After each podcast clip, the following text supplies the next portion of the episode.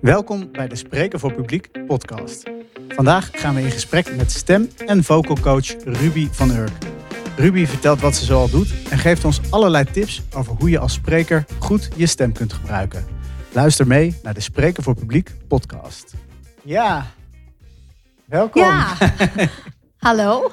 Welkom hier bij House of Vocals. in de House of Vocals. Ja, ik eh, zit hier bij Ruby van Urk, eh, de eigenaar van House of Vocals. En jij bent Yes. stemcoach. Ja, vocal coach en stemcoach, zeker. Vocal coach en stemcoach. Dus Ja. Komen meteen twee dingen. Ja, ik ga Eh, dat gelijk even aan je ik uitleggen dan. Eh, nou, bij vocal coach denken mensen heel vaak aan alleen maar zingen. Dus vandaar dat ik ook altijd stemcoach erbij eh, noem. Al is vocal natuurlijk gewoon de vertaling van het woord stem. Dus ik noem het eigenlijk altijd, ik ben vocal coach voor spreken en zingen. Dan eh, is het voor de meeste mensen duidelijk. En zingen. Yes, En het is bij jou begonnen met zingen, hè? zeker. Ja, we daar eens even, we eens even helemaal terug... eh, ik ken je een beetje, maar ja. wat je nou allemaal gedaan hebt in je leven, ik weet het niet eh, precies, maar ik ben wel benieuwd. Hoe lang duurt deze podcast? Jeetje, wat heb ik allemaal gedaan? Het is ooit begonnen als kind. Ja, was ik, keek ik naar Annie en naar Fame. En ik wilde gewoon zingen. En ik wilde eigenlijk twee dingen. Ik wilde zingen en schooljuffrouw worden. Ik had zo'n klein krijtbordje en dan ging ik krullen oefenen. Hoe je dat eh, mooie, een mooie krul kon maken als iemand iets goed had gedaan. Was ik echt op aan het oefenen, krullen maken. Dat vond ik heel interessant. Nou, en toen ben ik eigenlijk na de HAVO... eh, naar eh, de Pabo gegaan. Want mijn ouders zeiden, ja, zingen, dat is toch geen beroep. En je moet een vak leren, dus kom op. Ja, en toen eh, ben ik naar de Pabo gegaan. En toen bleef het kriebelen. En tijdens mijn Pabo-opleiding was ik altijd bezig met zingen. En in die tijd was karaoke-shows doen heel in erg een in. bandje en zo ook? N- Ja, ook eh, in een band. Maar er was, in die tijd was karaoke heel erg in. Dan zag je in iedere hoek van de straat in een café was karaoke zingen. Dus ik ging altijd met de vriendinnen en vrienden van de Pabo overal naar een karaokeavond. En ik allemaal van die talentenjachten mee en dat soort dingen. En eh, toen ben ik toch na de Pabo naar het conservatorium gegaan. Toen heb ik de mu- muziek- en theateropleiding gedaan. Eh, want, en een musicalopleiding, want ik wilde me breed eh, ontwikkelen in, dansen en toneelspelen en, en zingen. Tijdens die opleiding kwam ik er wel een beetje achter dat echt het musicalvak niet helemaal mijn ding is. Omdat je dan echt ja, volgens de regisseur dingen moet doen. En ik hou van zelf eh, ontwikkelen, Want zelf is- denken, is dat dan, zelf. Als je eh, zo'n zangopleiding doet, is dat dan eigenlijk de, de, de richting waar dat naartoe gaat? Dat je, dat je musicals Ja. mee gaat doen en zo? Je hebt echt eh, zangopleiding voor jazz. Je hebt zangopleiding voor, nu is dat pop jazz. Je hebt zangopleiding voor klassiek. Dan leer je natuurlijk hele andere technieken en een andere manier en andere muziekstijlen mee omgaan. En je hebt een eh, opleiding voor een musical. ja. ja. En dan ben je klaar met die opleiding en, dan- en dan, ben je, ben je, dan ben je zangeres. Alles waar je als klein meisje van droomde. Dat, ja maar ja, dan begint het natuurlijk pas. Ja, want eh, zoals dat eh, helaas in de zangeressenvak eh, is, eh, staat er niet in de krant Ruby gevraagd. Dus je moet echt zelf eh, ondernemen. En eigenlijk vanaf dat moment begon mijn eh, ondernemerschap. Ja. En eh, ik ben eigenlijk na het conservatorium direct begonnen. Dat doe je eigenlijk al tijdens de opleiding. eh, begonnen met vocal coaching. Tijdens de opleiding. Je wordt, ik had natuurlijk al mijn Pabo-achtergrond. En eigenlijk op de conservatorium word je dan ook opgeleid tot zangdocent. Eh, en daar ben ik eigenlijk na, het, eh, na de opleiding direct mee begonnen. Dus ik ben eh, gaan House of Vocals gaan opzetten. Ruby van Urk geeft zangles.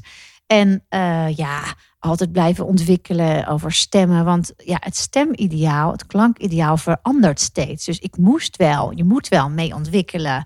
Zeg maar, nou in de jaren negentig zongen alle meisjes die op les kwamen Whitney Houston. en nu zijn er allerlei andere stemmen in. dat, is, dat is wel, dat, eh, wat je zei van, ik, ik had twee dromen eigenlijk.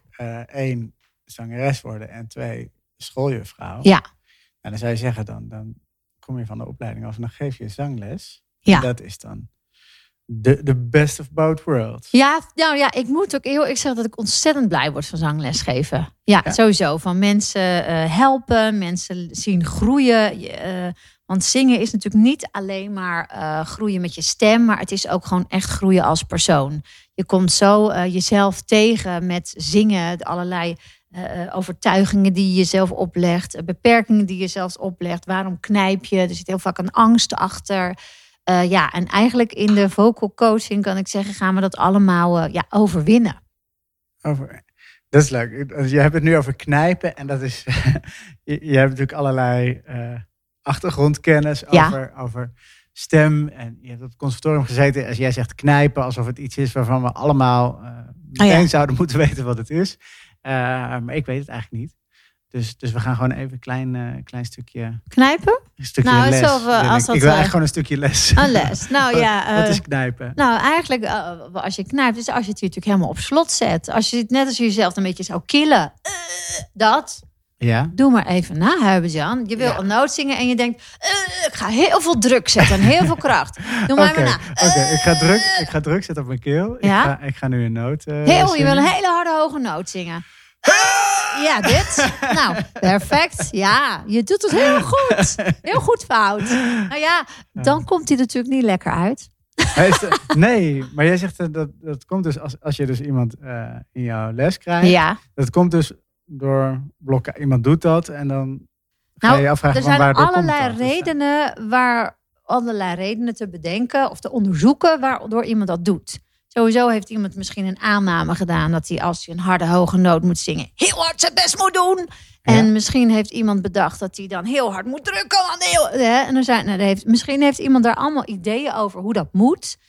Uh, hoe die het ook een ander ziet doen, hoe dat eruit ziet en wat hij dan denkt wat die ander doet. Want daar ja. is ook nog een verschil natuurlijk in. Uh, je kan denken, ja. oh, iemand doet dat, maar eigenlijk doet hij iets anders. Dus datgene moeten we allemaal gaan vertalen ja, naar die persoon. En uh, ja, als je op pianoles gaat, je ziet de piano, je ziet de toetsen, uh, maar je stembanden kan je niet zien en je keel. Dus je moet dat echt heel rustig leren ontdekken hoe je, hoe je keel werkt, hoe je stem werkt en, en, en hoe, jij daarmee dat? werkt. Hoe doe je dat dan? Want uh, dan, ga, dan, ga, je aan de slag met ja. iemand en die knijpt. Nou, vertel jij hem van uh, dat moet je niet doen. Maar ja. uh, ik kan me zo voorstellen dat het heel lastig is om aan iemand uit uh, te proberen te leggen wat er nou van binnen in zo'n keel of in zo'n stem eigenlijk uh, gebeurt. Is dat een beetje. Nou, dit vind ik wel heel mooi, want um, daar wil ik gelijk heel even op inhaken. Want er zijn heel veel mensen die noemen zich tegenwoordig vocal coach of zangcoach. Dat is een vrij beroep. Ja? Als jij morgen zangles wil geven, dan mag dat. Iedereen die je denkt, nou, lijkt me geen goed idee. Nee, maar dat, het mag, weet je. Er zijn gewone vrije beroepen. Um, het is wel handig als je iemand kiest, wil je vocal coaching, die een beetje gedegen achtergrond heeft. Dus die je dat goed kan uitleggen, zodat je ook daadwerkelijk geholpen wordt met en je probleem. Je, want als je zegt gedegen achtergrond, is dat dan ook. Uh, wat, wat leer, op het conservatorium leer je dan ja. ook hoe, hoe, het er van binnen ja. uitziet? Ja, hoe... dan krijg je natuurlijk anatomie. Maar ik denk niet dat alleen maar anatomie de, de, de uh, oorzaak is. Er zijn natuurlijk ook heel veel zangtechnieken die daarin ja. helpen. Ik heb bijvoorbeeld CVT bestudeerd of EVTS. En zo zijn er nog eigenlijk een heleboel die ik heb bestudeerd. En het ligt echt aan de persoon waarvan denkt, nou, die uh, knijpt daardoor, die knijpt daardoor, wat we gaan doen. Maar het eerste wat we natuurlijk gaan doen is dit ontspannen. En inderdaad ga je leren, uh, heel daadwerkelijk, ik zal het jou zo ook even met jou voordoen, want dit is leuk. Ja? Heel daadwerkelijk hoe je je stem kan besturen. Als je bijvoorbeeld dit doet, je stembanden kunnen open en kunnen dicht. Ik laat ook altijd iedereen even les 1 of 2 een plaatje zien van de stembanden. Want het grappige is, iedereen zingt maar, maar weet dus niet hoe het eruit ziet. Dus ik laat even een plaatje zien. En je stembanden kunnen bijvoorbeeld open en die kunnen dicht. Doe gelijk zo, want dat is de handbeweging uit EVTS. Kunnen open en kunnen dicht. alleen luisteren. Ik zit ja, met nee, mijn vingers te Open en dicht, ja. Uh, open en dicht. Uh, iedereen die ooit uh, EVTS heeft gedaan, kent al die handbewegingen. Want daarbij, er is dus één zangmethode, die gaat alles wat er in je keel gebeurt, eh, door handbewegingen laten zien. Dus dat doe ik ook wel veel. Eh, maar eigenlijk als jij dit doet, dan maak je de O zonder geluid of de A zo.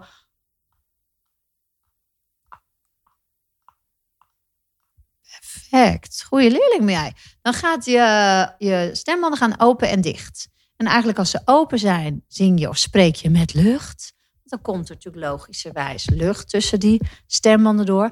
Oeh, ah, hey. Als je ze dicht maakt, oeh, ah, hey. En dit is eigenlijk wat je automatisch al doet. Ik ook. Als je dat zegt, zijn ze dicht. Leuk hè? Hmm. Ja, en wat is het nou goed om met je stembanden open te zingen of met je stembanden dicht? Mm, ja, ik vind goed een heel lucht. bijzonder Als ik woord. Whitney Houston denk, denk ik ook een beetje valse lucht en zo. Mag, Ja? dat, mag dat of niet, toch? Maar als je haar hoort zingen... Ah. Hè, ehm, Dit is een hele rare podcast om te horen. Oh, and, and I. Dat is heel erg dicht. Dat is Als dicht. dat met lucht zou zijn. I.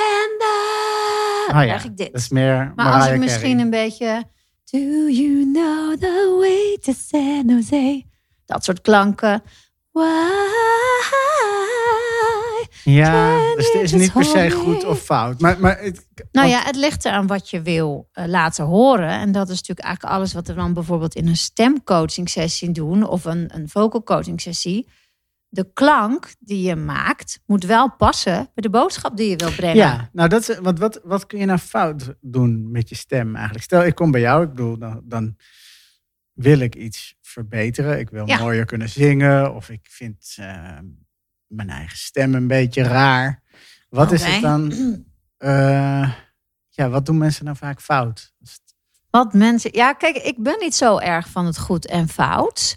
Kijk, fout zou je kunnen noemen dat het vals is. Ja, Ehm, maar eh, kijk, wij hebben onze, ik noem dat maar, eh, de buitenkant zingen, conform aan onze cultuur. Maar al zou jij misschien in Arabië wonen, vinden ze jouw uh, toonlanders hartstikke mooi. Hè? Dus dat ligt ook maar aan. En als jij heel erg klassiek zingt en je gaat in een soulband zingen en je gaat zingen, oh, I'm a soul man, is dat goed of fout? Weet je, dus ik ben niet zo heel erg van dingen goed of fout noemen. Eh, het gaat heel erg om wat je ook zelf vindt, wat goed of fout is, of wat je zou willen. En natuurlijk zijn er wel wat dingen die conform zijn. Maar eh, stel, jij bent eh, een nieuwslezer en je zou de hele dag met zo'n DJ-stem praten. Hallo, goedenavond, dit is het nieuws. En er is weer iemand neergeschoten in Saoedi-Arabië. Kijk, is dat goed of fout? Het is niet zo wenselijk, denk ik. Ehm, dus ik zou wel zeggen, er zijn natuurlijk wat normen. En voor spreken is het misschien wel fijn als je wat in de norm past. Wil als jij, nee moet ik anders zeggen, als jij in de norm zou willen passen, dat voel jij je misschien prettiger bij. En ik merk wel dat je daardoor natuurlijk door groepen wat meer wordt geaccepteerd als je in de norm past. ja, Dus met je stem zou je in de norm eh, kunnen willen passen. Dus dat is een, een vraag. Want jij zegt, nou, misschien vind ik mijn stem niet zo mooi. Ja, wat vind je dan niet mooi? Of wanneer vind je hem niet mooi? Is die altijd niet mooi? Of vind je hem niet mooi als hij op het podium staat? Of vind je... Want wij gebruiken eigenlijk de hele dag door... Dit is echt een stukje stemcoaching ook. Wij gebruiken ongemerkt de hele dag door... allerlei verschillende geluiden, stemmen. Als ik tegen mijn hondjes praat... Oh, kom maar, schatje, kom maar. En als ik misschien de bank opbel... zet ik even mijn serieuze stem op. Hallo, met uh, Ruby van Urken, mag ik even wat vragen? Zodra ik mijn moeder opbel, hi mam, hoe is het? Zet ik mijn familiaire stem op. Je hebt ook mensen die uit Limburg komen, die de hele dag, ik noem het maar je spreken. Maar zodra ze hun moeder thuis gaan bellen of een broer of zus, dan komt het accent aan alle kanten weer boven. Dus we hebben allerlei geluiden die we eigenlijk de hele dag door gebruiken. En stel nou dat een van die geluiden ja, niet het geluid is wat klopt bij de situatie. En vaak nou ja, help ik dan wel mensen uh, werkgerelateerd. Want daarin levert dat meestal het grootste probleem op. Ja, ja, ja. dus je leert mensen eigenlijk uit hun hele repertoire de juiste stem te kiezen uh, voor, voor de juiste situatie. Hoop ik, als, dat, als die klankkleur al in hun repertoire zit, maar meestal wel. Oké. Okay. Dat vind ik een, een mooi bruggetje, want we gaan nu langzaam, we drijven zo langzaam vanuit zingen richting, richting spreken. Je noemde net al de nieuwslezer. Dus vind ik een mooi bruggetje. Mooi boek. dat is bijna een cliffhanger oh. voor het, het, uh, het, tweede deel. Dus we gaan er heel even tussenuit. Oké. Okay. Je luistert naar de Spreken voor Publiek podcast. Vind je dit een leuke of interessante podcast? Abonneer je dan in je podcast-app. Zo help je ons om beter gevonden te worden door andere luisteraars. ja, we zijn, uh, we zijn terug met deel 2. Um, en ik zei net al, we, we, we drijven een beetje richting, uh, richting spreken voor publiek. Hartstikke mooi, want uh, de podcast gaat natuurlijk over, over sprekers. En dat zijn vaak mensen die op een podium staan, die voor groepen spreken. Op, uh, op een congres of als presentator of als docent. Um, heb, je, heb je wel eens iemand, als je, dan noemen we het geen vocal coaching, maar stemcoaching. Heb je wel eens iemand in de stemcoaching die, die dat doet, die op zo'n Ja. podium staat. Zeker. Ik heb een aantal eh, sprekers de laatste tijd eh, ook geholpen met hun talk. En eh, daarin help ik ze dan met hun houding, hun lichaamstaal. Komt hun, hun houding overeen met hoe ze, wat ze willen uitdragen. Met de hoogte bijvoorbeeld van de stem. Vooral ook heel belangrijk is het tempo van de stem. De melodie, noem ik het even, van de stem. Dat we bijvoorbeeld aan het einde van de zin omhoog gaan of naar beneden. Dat we even rusten maken tussen de woorden. Zoals waar we het net even over hadden. Rutte, heel Wat mooi. wat de hoogte kan doen. Jij, jij noemt nu de hoog, jij noemt de verschillende Hoogte, dingen ja. anders, maar ik wil even inzoomen op al die eh, losse, Ja, losse dingetjes. Je zegt hoogte, tempo, melodie, maar de, ho- de hoogte. Wat doet de hoogte van iemands stem eigenlijk met een Nou, publiek of met? Ehm, eh, wij resoneren lekkerder op een lekkere, lage, vriendelijke stem. Dat zit in ons. Hè, wij zijn bestaan uit water. Eh, een klank resoneert met ons. Eh, bijvoorbeeld of ik mijn klank wat scherper maak. Of of ik mijn klank wat eh, wollig, mag dat woord? Nee, niet wollig. Nou, ik, ik noem het. ah, ik vond het wel leuk. Nee, maar of ik mijn stem wat, wat, wat, ik noem het misschien misschien zwoeler of jazzachtiger maak, wat Ja. ronder. Daarmee maak ik een hele andere overdracht. En de hoogte, bijvoorbeeld, als ik nou iemand zou zijn die de hele dag hier praat, ik neem een Chantal Jansen, die klinkt natuurlijk ontzettend vriendelijk en dat is hartstikke leuk.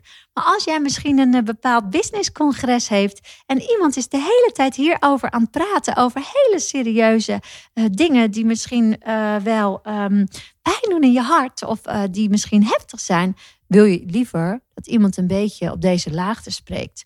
Let maar op nieuws, lezeressen, nieuwslezers. Dus iemand die lager spreekt, zeg je eigenlijk, die nemen we gewoon van nature al wat, wat meer serieus eigenlijk.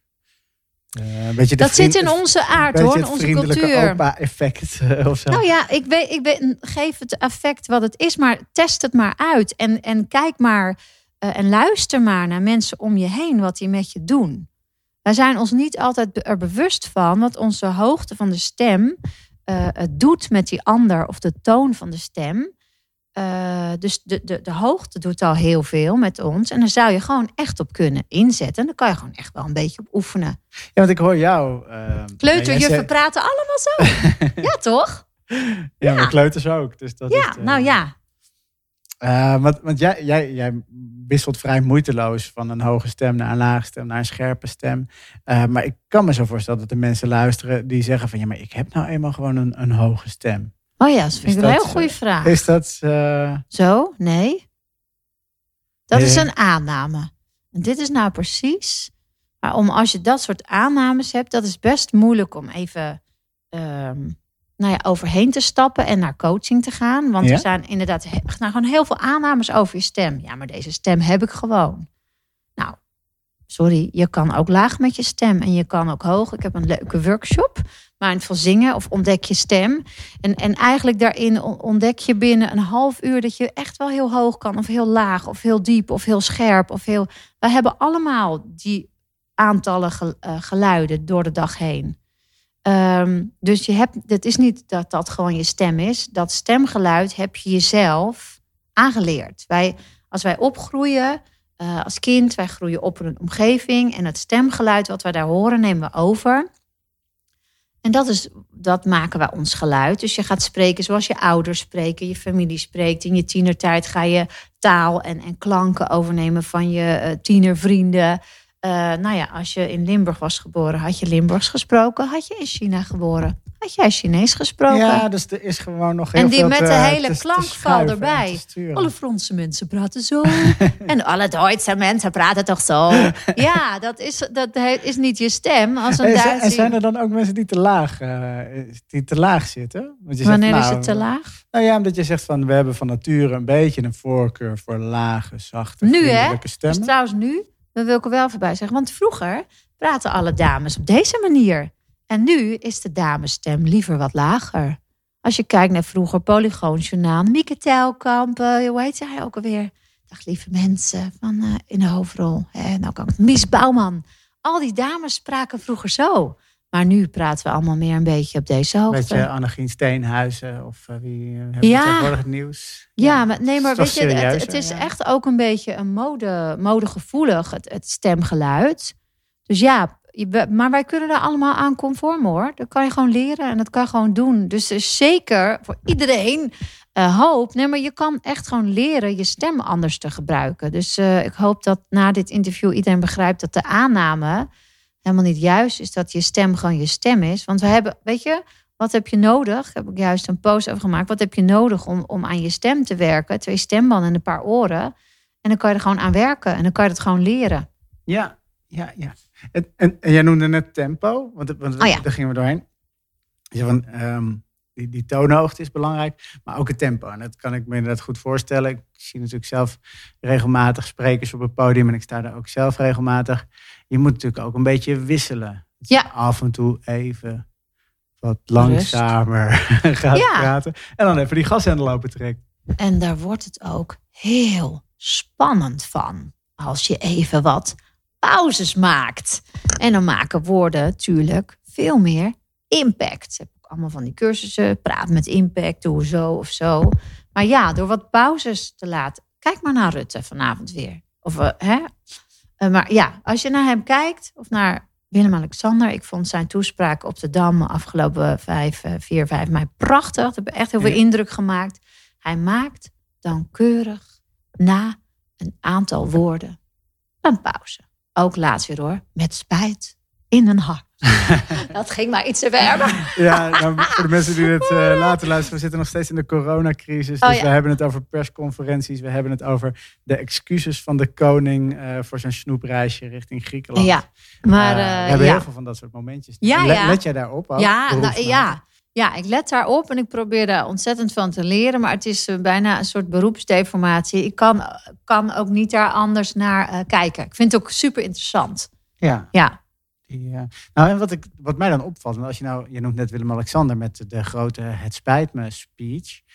Eh, dat was natuurlijk ook een ontzettend autocue ding. Je- Ja. Je, zag hem gewoon, eh, nou hij had nog net niet zijn vinger erbij om, om mee te lezen. Maar is dat ook iets waar je mensen in, in traint of kunt trainen? Of, want ik vond, dat maakt het vaak een beetje ongemakkelijk. Zo. ja, ik vond het ook een beetje statisch daardoor. Ja. Ik vond het niet zo uit het hart daardoor. Terwijl die wel zei, met spijt uit het hart. ja. zeg maar. Eh, of je ook kan. Nou, weet je, ik denk, zolang je blijft lezen, blijft het natuurlijk altijd een beetje lezen. Maar ja, ik ben als Pabo-juffie, heb ik natuurlijk ontzettend voorlezen, cursussen, trainingen gehad. Dus of je kan leren voorlezen, ik oefen daar eigenlijk iedere avond in. Als ik mijn zoontje naar bed eh, breng, dan ben Ja. ik ontzettend bewust aan het voorlezen. En dan oefen ik ook in die pauzes maken. En dan oefen ik dus ook, want dat wou ik ook nog even bij net aanvullen, bij die hoogtes. Eh, het gaat er soms om dat je je zin niet op het eind van de, eh, je zin niet op het eind van de regel omhoog laat gaan, maar dat je de zin aan het eind van de regel naar beneden laat gaan. Zodat je zin meer impact maakt, in plaats van je zin meer impact maakt. Ja, en dat is, en dat is dan ook bijna weer een accentding. Hè? Want jij Ja, eh, techniekje. eh, Limburgers, maar dat maakt niet uit waar je vandaan komt. Iedereen heeft ook zo zijn accent Ja. natuurlijk meegekregen. Ja, ja. Lekker zangerig Noord-Holland is dat. Ja, denk. Leuk. Oh ja, Ik hou ook van accenten. Vind ik ook super interessant. Ja, want eh, heb je daar iets... eh, vind je dat mensen het zouden moeten afleren als ze een heel erg accent hebben? Nou, eh, Even, ik denk dat dat heel erg ligt aan eh, de persoon en wanneer je dat inzet. Ik was laatst bij eh, zo'n business meeting. En eh, er was één dame en die praatte nogal eh, een beetje boers.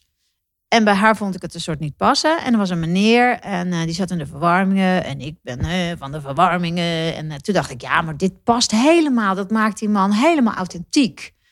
Ehm, en ik denk, als, zou, als je luistert bijvoorbeeld naar Nederlandse muziek.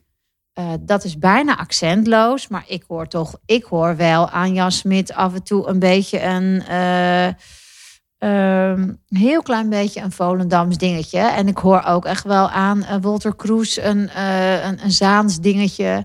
Maar je hoort echt niet aan Henny Vriend vroeger in Doe maar een hele erg zachte G. Of aan Guus Meeuwis. Nee. Eh, Ja, dus er maar er als nog het een klein klein randje in Ja. zit... Ja, ik vind dat helemaal niet storend. Want het maakt iemand, kan iemand ook uit, heel authentiek maken. Ja. Eh, maar eh, ja, eigenlijk weer conform eh, wat wij accepteren en niet. een accent geeft ook een ontzettende bepaalde indruk. Dus als jij wil spreken en je praat met zo'n ontzettend boers accent, ik kan het niet zo goed nadoen. zo'n plat Twentse, Ilse de Lange accent. Noem jong, wat is een door En je staat op een business meeting. Ik denk dan, ja, of je bent geweldig authentiek en iedereen smult ervan. Maar vaak word je dan toch wat anders uh, beoordeeld. Of veel plat Amsterdams of veel plat Rotterdams. Ja, mensen hebben daar wel snel een uh, oordeel over. Ja, dus, dus een beetje afleren mag best, maar altijd, zolang je wel authentiek blijft. Ja, dus ik vind dat het ook heel erg bij je beroepsgroepen en dingen past en waar je het voor gebruikt. Ja. Eigenlijk. Misschien zou je allemaal moeten leren om uh, een beetje ABN te spreken en lekker in je eigen omgeving met je accent. Zoiets. Ja, ja, zou kunnen, zou kunnen. Nou, dan heb je het allemaal afgewerkt. Dus we hebben, uh, we hebben gewerkt aan het knijpen. Dat doen we niet meer. We hebben gewerkt aan onze toonhoogte. Het tempo wisselt lekker. Ja. En we hebben ons accentje hebben we nog net lekker een klein randje voor over. En dan, dan gaan we het, eh, dan gaan we het podium op. Zijn we dan klaar volgens, uh, volgens mij? jou? Ja. Nou, volgens mij ben je nooit klaar. Ik ben 44 en ik zit vanaf mijn 14e op uh, zangles. En uh, tegenwoordig heet dat dan meer zangcoaching. Maar ja, er is altijd bij te leren. Eigenlijk al wat ik net zei. Bijvoorbeeld helemaal met, met muziek. Er zijn zoveel verschillende stromingen. Ja. En er zijn zoveel verschillende ehm, uh, uh, muzieksoorten. Er zijn sowieso uh, verandert het klankideaal. Ik denk dat dat ook met stem is.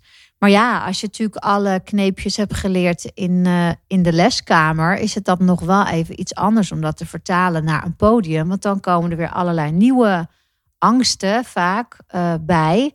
Angsten, gedragingen en dingen. En hoe ga je dan zorgen dat jij gewoon op het podium kan doen precies hetzelfde als in de leskamer. En dat vind ik namelijk een hele interessante. En daar ben ik heel veel mee bezig ook. Um, want ja, als we natuurlijk op een podium gaan staan, dan steken we boven het maaiveld uit. Dus ons uh, reptiele brein gaat direct aan. Uh, van help, hier sta ik nu voor allemaal andere mensen. En uh, dus ik probeer mensen ontzettend te leren niet naar dat reptiele brein te gaan, maar ja, te doen wat je leert.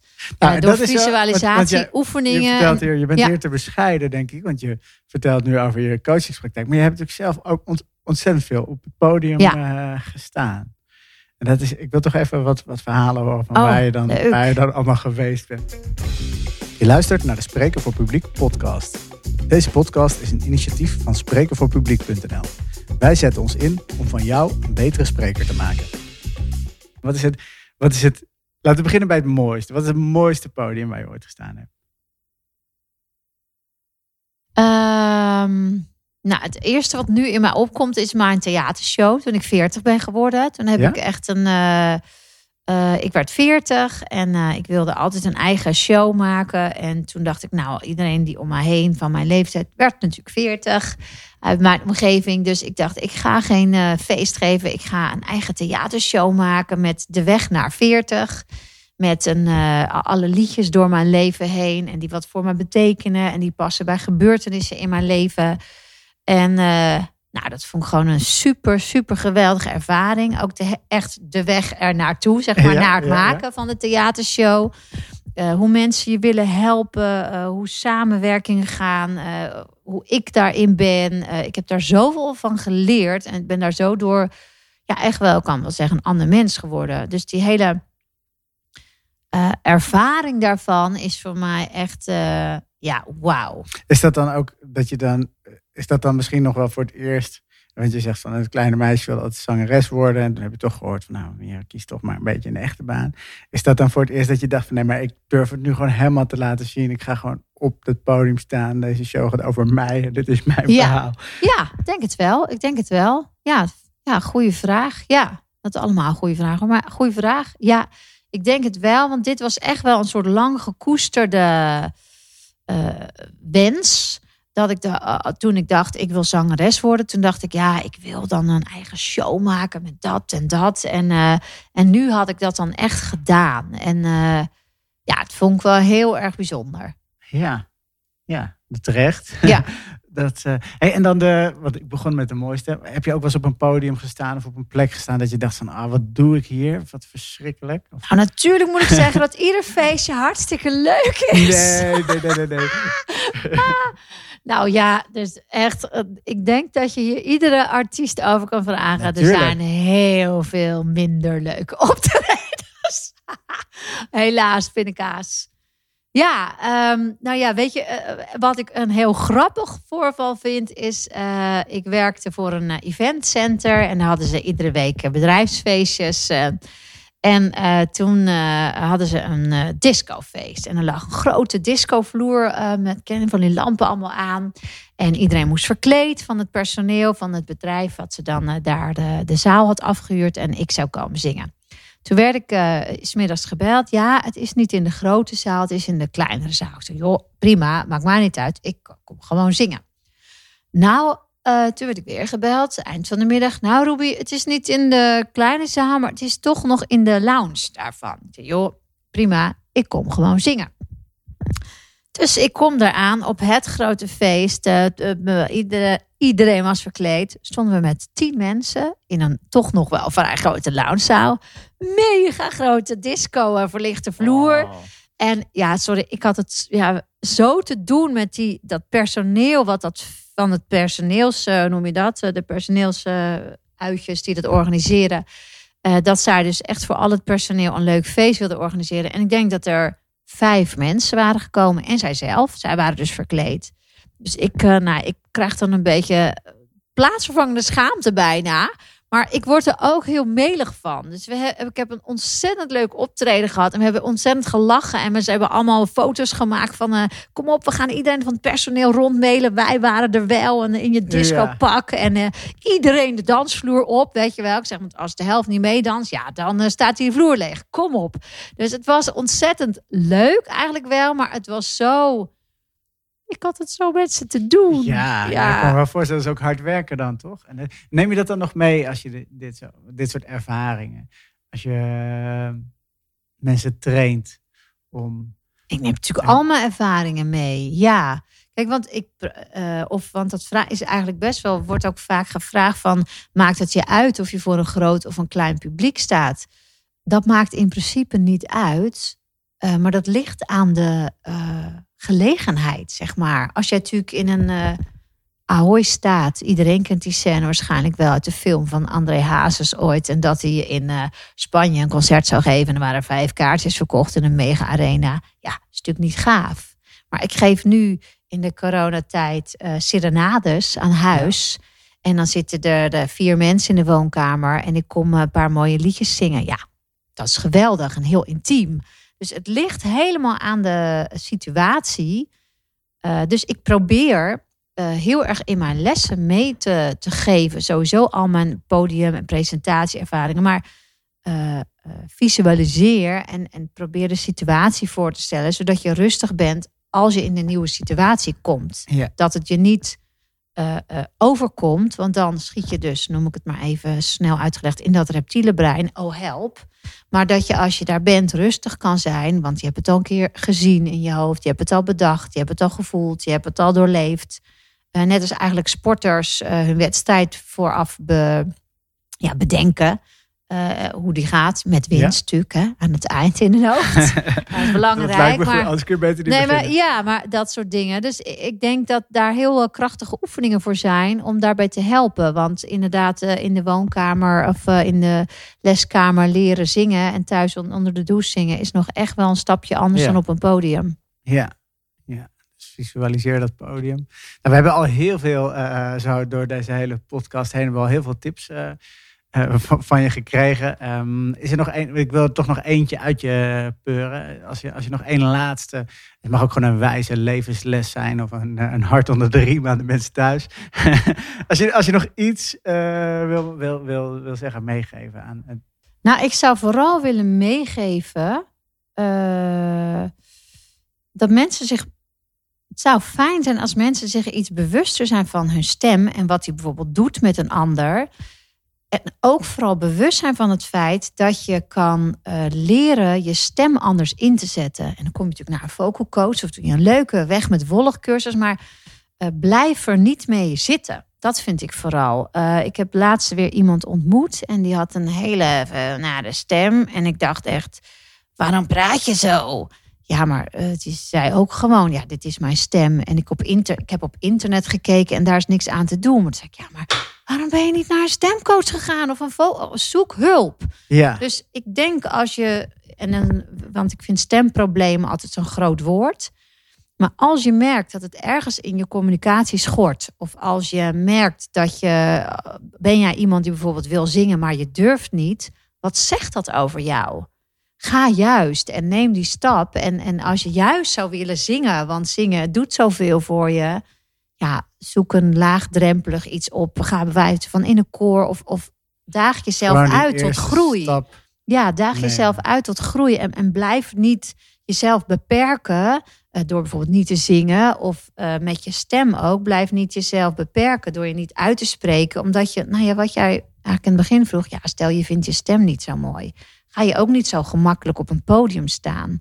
Ik had laatst ook weer iemand, ehm, zij is, eh, heeft een camping en dan heeft ze iedere week daar eh, eh, mensen die komen optreden en dan moet ze die mensen aankondigen. Ze zegt, ja, vind ik zo eng.